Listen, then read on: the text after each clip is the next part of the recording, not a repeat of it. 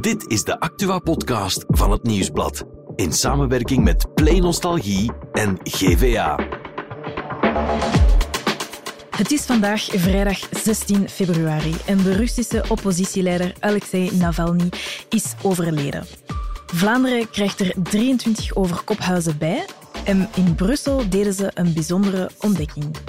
Maar in deze Insider hebben we het eerst over de boeren. Want na lege rekken in de winkels en blokkades aan rondpunten is er eindelijk een akkoord met de Vlaamse regering.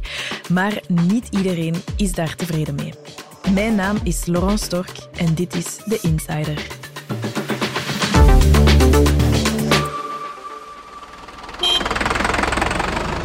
Dagenlang werd er geprotesteerd en urenlang werd er gisteren onderhandeld. Maar er is eindelijk een akkoord tussen de landbouwers en de Vlaamse regering.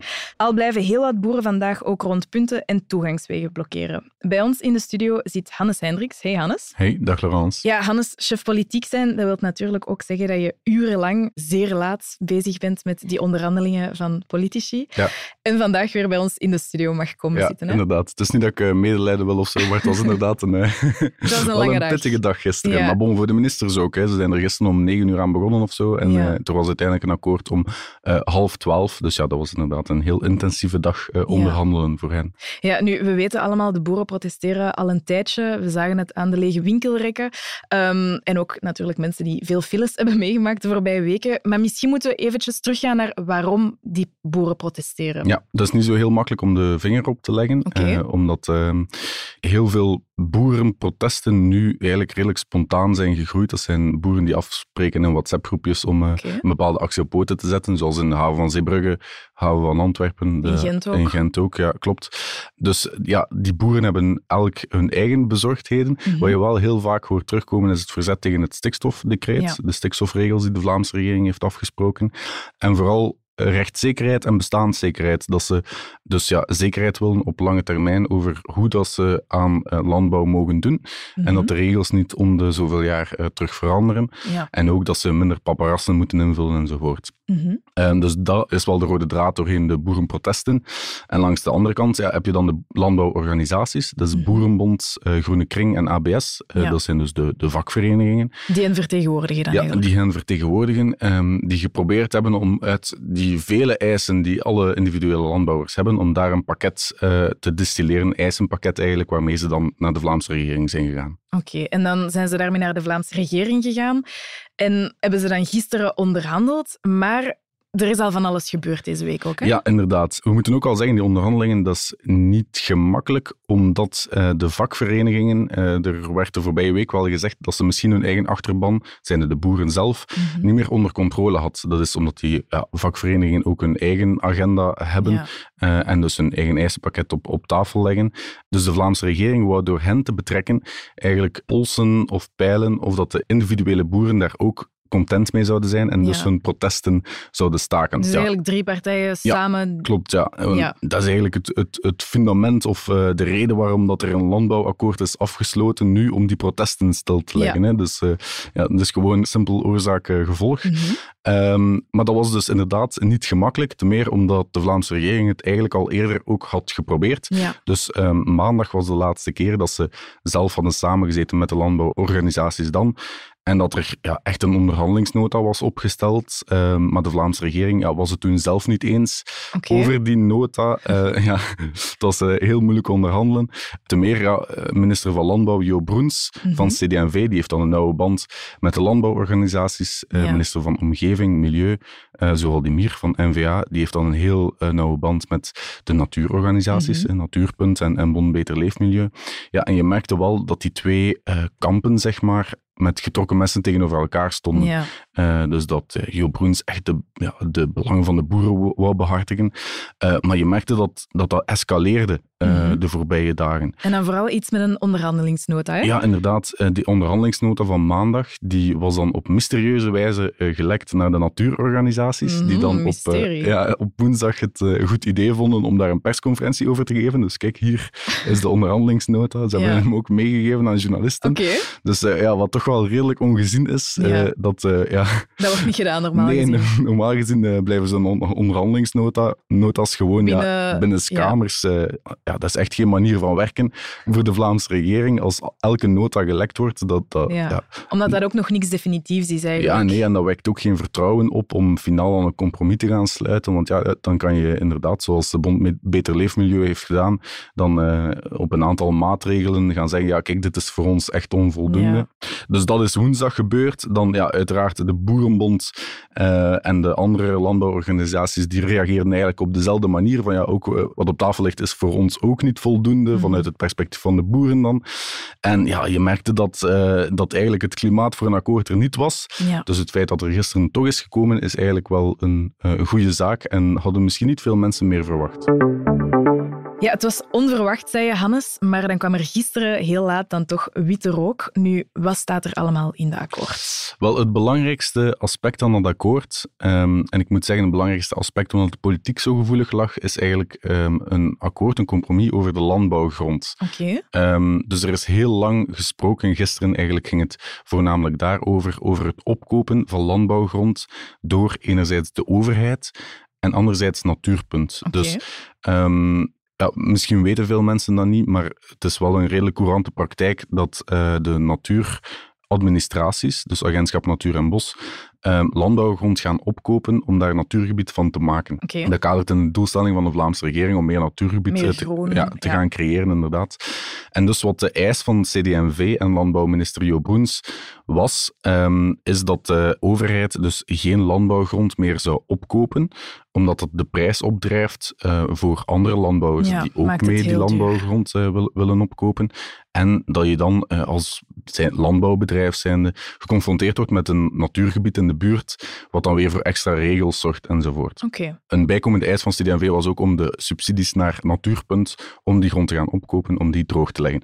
En dus daarover is het urenlang gegaan gisteren.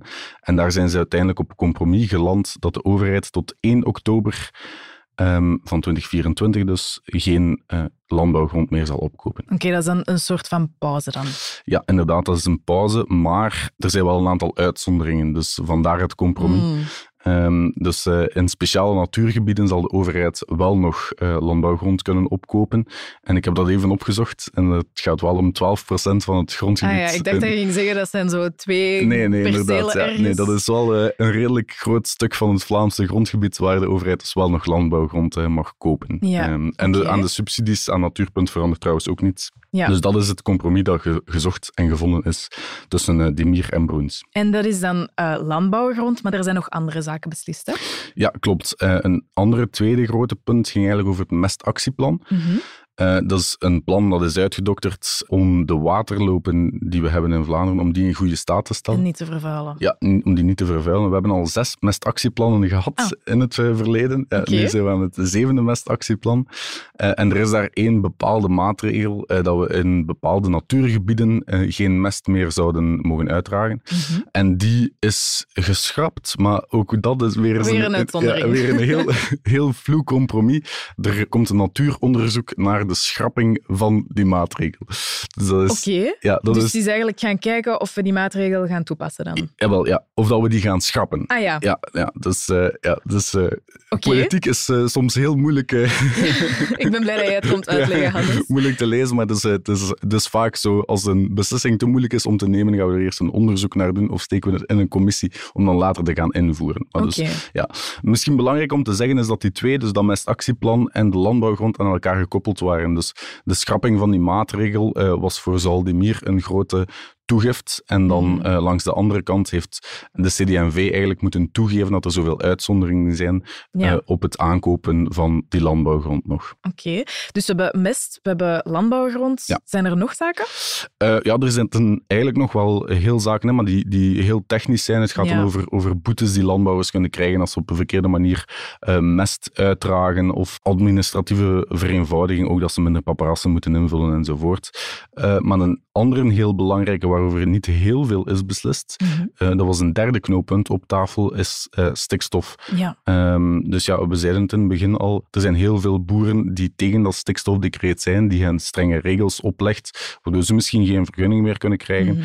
Eh, maar daar ja, heeft de regering eigenlijk beslist dat er niks aan gaat veranderen aan dat stikstofdecreet. Oké, dus de boeren moeten het doen met de beslissingen die al genomen zijn? Ja, inderdaad. Ja. Dus uh, het stikstofdecreet is gestemd in het parlement, daar verandert niks meer aan. De regering komt wel ja, met zo'n tekst, ik heb hem eh, proberen lezen, mm -hmm. zo'n heel vage omschrijving, want we gaan naar Europa stappen om uh, in de toekomst een ander beleid te kunnen voeren op, op het gebied ja. van stikstof. Dus dat is weer zoiets in het vooruitzicht zetten. Um, we gaan eens gaan zien wat we kunnen doen. Dat er misschien, misschien komt, misschien niet. Ja. Ja, misschien de, de kern van dit hele akkoord is dat de volgende Vlaamse regering heel wat werk heeft. Als je gewoon alle dossiers naast elkaar zet, de landbouwgrond is nu beslist tot 1 oktober. Ja, wat na 1 oktober? Mm -hmm. Zal voor een volgende Vlaamse regering zijn. Een mestactieplan wordt in een onderzoek gestopt. Ja, dat onderzoek dat zal op tafel van de volgende regering komen. En dan het volgende stikstofbeleid dat er moet komen, zal ook voor de volgende Vlaamse regering zijn. Dus uh, ik weet niet of veel van de partijen die nu aan tafel zitten ook nog ambitie hebben om in de volgende Vlaamse regering te zitten. Alleszins, ze hebben zichzelf dan wel heel veel werk gegeven nu. Ja, een akkoord is er intussen, maar ik zag vanochtend, Hannes, op onze website uh, een paar artikels passeren over boeren die toch niet zo tevreden zijn, langs de snelwegen zullen blijven zitten. Ja. Wat nu dan? Ja, dat was de vrees ook van de Vlaamse regering, hè, dat ze dus een pakket gingen afsluiten, um, dat de individuele boeren niet kunnen smaken. Hè, dus de landbouworganisaties zijn nu wel mee. Tevreden. Ja, maar ja. Um, ja, de vraag is of dat zij het nu naar hun achterban gaan verdedigen. Alleszins, er zijn inderdaad bepaalde boeren die... Um, nog steeds zullen protesteren. We hebben er een aantal gebeld, nu ook al, mm -hmm. die zeggen, ja kijk, voor ons is het uh, centrum van de discussie gewoon dat stikstofakkoord en dat moet weg en wij blijven actie ja. voeren totdat dat stikstofdecreet weg is. Dus ja, ik voorspel wel dat het een thema zal blijven tot aan de verkiezingen omdat er ja, gewoon boeren zijn die andere eisen hebben en die mm. nog niet ingewilligd zijn. Ja. Um, ik, ik, zeg het ook altijd zo, ja, er zijn veel boeren die niet echt wakker liggen van het verkoop van een landbouwgrond, want dat zijn boeren die stoppen met de stil.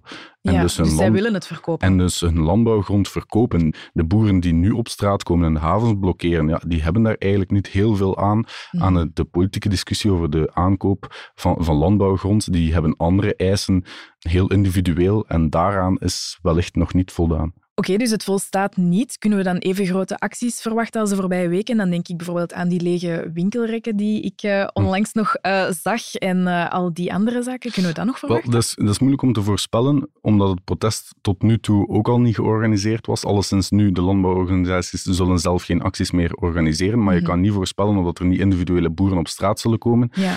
Alhoewel ik uh, wel hoor, en dat is misschien wel een belangrijk aspect, dat op dit moment het mestseizoen start. Okay. En het nu, ik weet niet wat het weer is uh, vandaag. Grijs. Ah, ja, het is grijs. Uh, mocht het een paar dagen droog blijven, ja, dan denk ik dat de boeren wel andere dingen te doen hebben in het mestseizoen, namelijk naar hun akkers teruggaan en okay. mest uitrijden. Dus dat is misschien wel een belangrijk aspect wat kan meespelen in de toekomst van de protesten. Ja, want ze hebben eigenlijk ook gewoon hun job die ze Ja, doen. inderdaad, dat klopt. Hè. Uh, ik hoor veel boeren die um, ja, toch al wat moeite hadden de voorbije tijd dat zij op straat stonden ja, uh, om familie voor, in te ja. schakelen of zo, om, uh, om de koeien te melken bijvoorbeeld. Mm -hmm. maar nu, ja, veel boeren die akkers hebben, die bemest moeten worden, ja, die moeten ook wel op een gegeven moment met die tractors die nu op straat staan, ja. terugkeren. Dus dat wil niet zeggen dat, dat de protesten volledig zullen stilvallen de komende maanden, maar het is wel een aspect dat meespeelt. Oké, okay. dankjewel Hannes voor jouw expertise. Geen enkel no problem.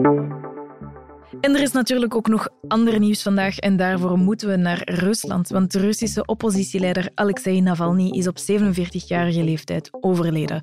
Nu, heel veel weten we nog niet over dat overlijden op het moment dat we deze podcast aan het opnemen zijn. Maar wat we wel weten is dat hij in 2020 vergiftigd werd door de Russische geheime dienst FSB. En als Kremlin-criticus werd hij veroordeeld tot 19 jaar strafkamp voor het oprichten van een volgens de Russen extremistische organisatie. Hij werd internationaal beschouwd als een politieke gevangene.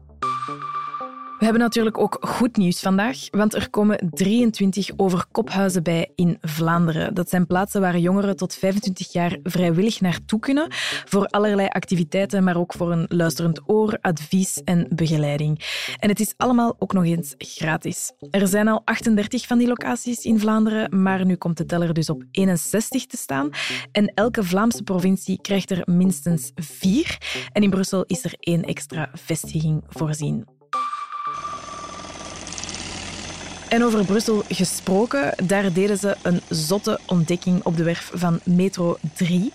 Want tijdens de opgravingen vonden ze meerdere botten van mammoets en andere dieren uit het Paleolithische tijdperk. Uh, eigenlijk zo'n 120.000 tot 11.700 jaar geleden. De botten die zitten wel al in een labo, um, dus de werken die kunnen gewoon verder gaan van metrolijn 3. Al hopen archeologen toch dat ze tijdens de werken toch nog iets moois tegenkomen. Het wordt dus afwachten. Dit was het nieuws en morgen zijn we er opnieuw met een nieuwe Insider.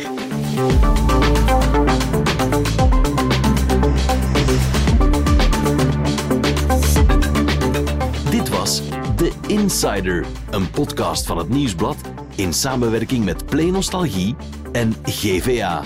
De muziek is van Pieter Santens. De montage gebeurde door House of Media. Wil je reageren? Mail naar podcast.nieuwsblad.be.